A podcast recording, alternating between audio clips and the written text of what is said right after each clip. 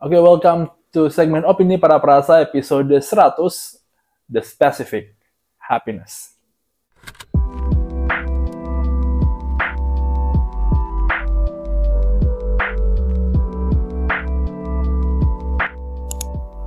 Well, pertama-tama uh, saya pribadi mengucapkan selamat kepada para perasa podcast yang sudah menginjak episode yang ke-100. Setelah uh, kurang lebih sekitar 2019 berarti tiga tahun ya kurang lebih sekitar tiga tahun uh, podcast para perasa berjalan hingga pada sekarang sampai di titik di mana kami uh, tiba pada episode yang ke-100. Nah, tentunya ini bukan pencapaian yang uh, mudah, bukan pencapaian yang instan karena memang untuk kategori podcast itu menurut saya pribadi sih untuk selama tiga tahun dengan jumlah total episode 100 ya itu bisa dibilang uh, cukup lambat juga pergerakannya karena memang uh, para peserta podcast kemarin sempat vakum beberapa kali, sempat muncul, sempat hilang lagi karena memang ada beberapa kesibukan dari masing-masing anggota kami yang tidak bisa kami tinggalkan sepertinya begitu ya. Oke. Okay. Nah, di video kali ini, di episode kali ini, saya mau membahas tentang sebuah isu menarik yang baru-baru ini muncul di kepala saya gitu. Nah sebelumnya isu ini bukanlah murni dari saya pribadi, tetapi ini merupakan uh, sebuah trigger yang saya lihat sebelumnya dari sebuah postingan di Instagram oleh seorang komika atau founder stand up komedi Indonesia yaitu Mas Manji Pragiwaksono. Nah, uh, di video yang Mas Panji itu share di Instagram. Uh, saya lupa tepatnya itu di akun apa, mungkin akun-akun repost ya, akun-akun share gitu. Uh, Mas Panji bilang mengenai pemahamannya tentang konsep kebahagiaan yang sekarang dimiliki oleh anak-anak muda di zaman sekarang. Mas Panji bilang bahwa uh, dewasa ini banyak anak muda atau remaja yang sulit banget ngerasain bahagia gitu. Which is saya juga mengalami hal itu. Nah, kenapa sih orang-orang atau para remaja ini, anak muda ini sulit merasa dewasa? Nah, menurut Mas Panji, itu dikarenakan oleh seperti judul kita di episode ini, the specific happiness. Kebahagiaan yang sifatnya spesifik atau detail atau uh, apa ya, mengkerucut gitu kebahagiaan yang bersifat spesifik ini uh, kalau dianalogikan seperti yang Mas Panji contohkan itu ibaratnya seperti ini. Uh, ada seekor ikan dan katakanlah seekor penyu ya di sebuah laut di samudra gitu.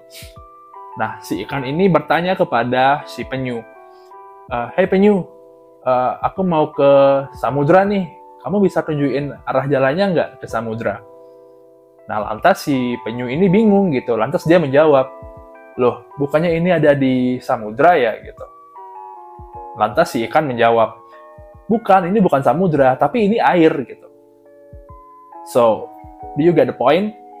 Jadi dari perspektif sang ikan ini, dia ini lagi ada di air gitu, bukan bukan di samudra. Sedangkan dari perspektif si penyu, bahwa mereka berdua, si penyu dan si ikan ini udah ada di samudra, udah ada di lautan gitu. Nah, poinnya adalah bahwa kalau kita menganggap si ikan ini adalah para remaja tadi ya, para anak muda tadi yang uh, memiliki kebahag apa uh, tingkat kebahagiaan yang spesifik, maka kita sebagai ikan tadi contohnya kita tidak akan pernah merasa puas dengan apa yang kita miliki saat ini dan kita akan cenderung tidak pernah bahagia dengan apa yang kita punya karena memang kebahagiaan yang kita tuju itu belum tercapai. Seperti itu.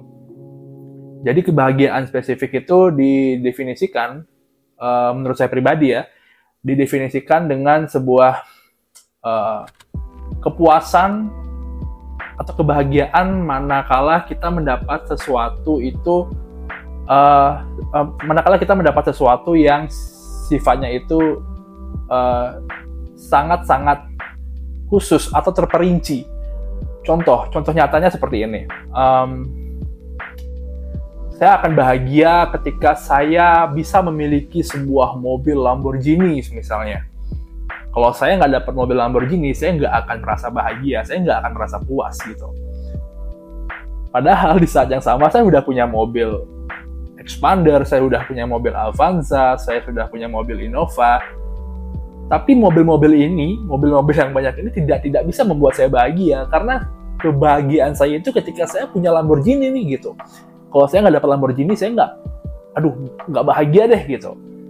Contoh lain misalnya, contoh kedua, uh, ketika saya ingin berpergian ke luar negeri gitu dengan dengan dengan dengan pacar saya gitu atau dengan pasangan saya gitu.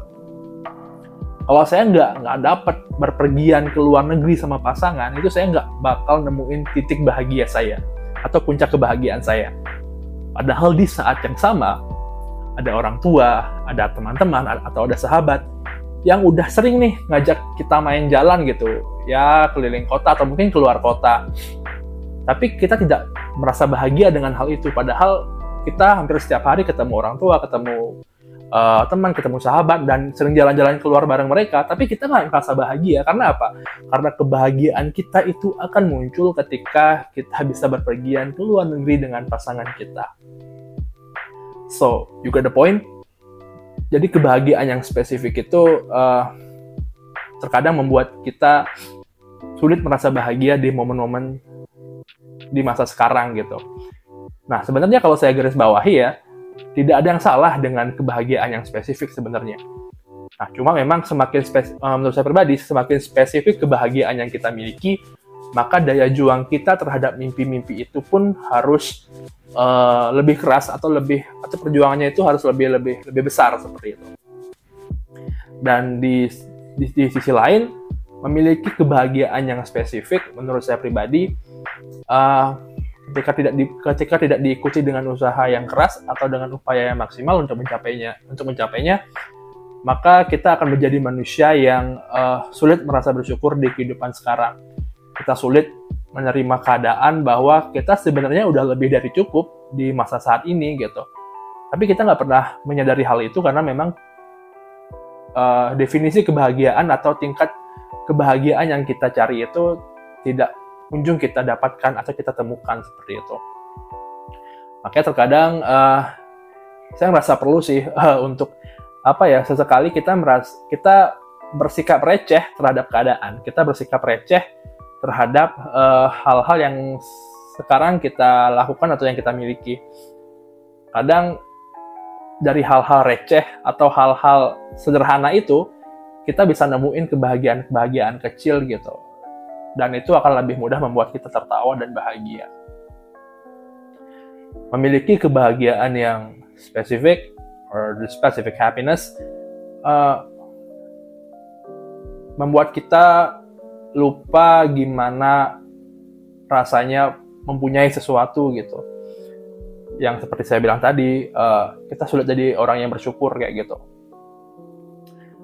Kebahagiaan yang spesifik kebahagiaan yang spesifik menurut saya pribadi itu timbul karena adanya uh, karena adanya doktrin ketika kita kecil gitu ya.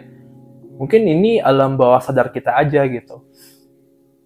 Waktu kita kecil kita di di apa ya di di doktrin dengan dongeng-dongeng yang indah dongeng-dongeng yang sempurna tentang Cinderella, tentang Putri Tidur, tentang The Beauty and the Beast, dan mungkin dongeng-dongeng indah lainnya gitu tentang makna sebuah kebahagiaan.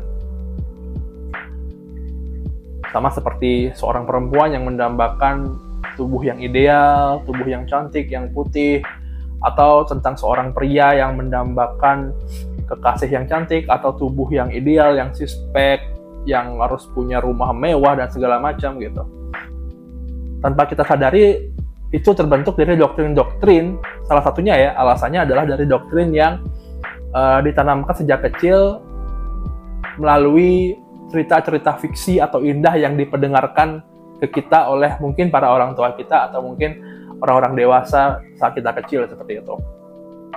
Nah, sehingga konsep dari kesempurnaan inilah yang menjadikan kebahagiaan kita itu uh, seiring kita dewasa menjadi lebih spesifik.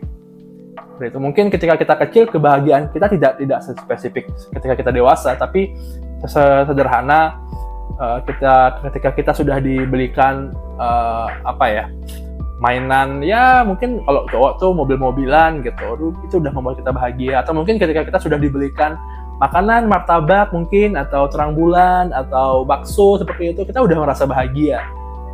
Nah entah kenapa kalau kita renungkan semakin kita dewasa itu kebahagiaan itu menjadi lebih spesifik dan lebih lebih tidak mudah untuk digapai gitu. Itu sih yang yang hal yang saya coba renungkan beberapa hari ke belakang ini gitu.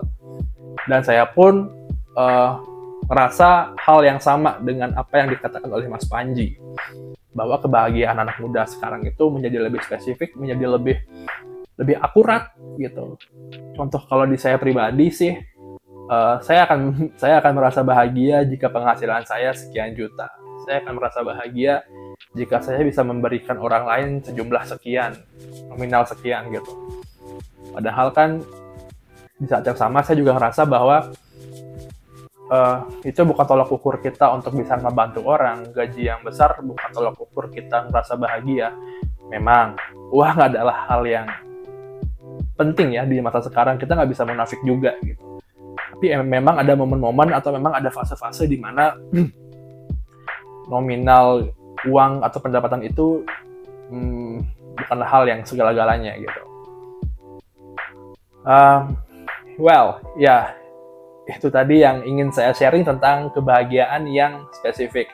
Nah, kalau dari kalian semua, para pemirsa, dan para penonton, atau mungkin para pendengar, uh, kebahagiaan yang spesifik itu apakah pernah kalian rasakan, atau mungkin sedang kalian rasakan saat ini? Dan kalau sedang merasakannya, kira-kira gimana sih cara untuk bisa beradaptasi dengan kebahagiaan itu gitu? Karena menurut saya pribadi, uh, di mimpi dan cita-cita itu seiring waktu akan beradaptasi dengan kemampuan yang kita miliki saat ini atau dengan kondisi yang kita sedang alami saat ini. So, for your happiness, what will you do? Enota Kusuma dan terima kasih sudah mendengarkan episode Para Perasa kali ini. Sampai jumpa di next episode berikutnya. Bye.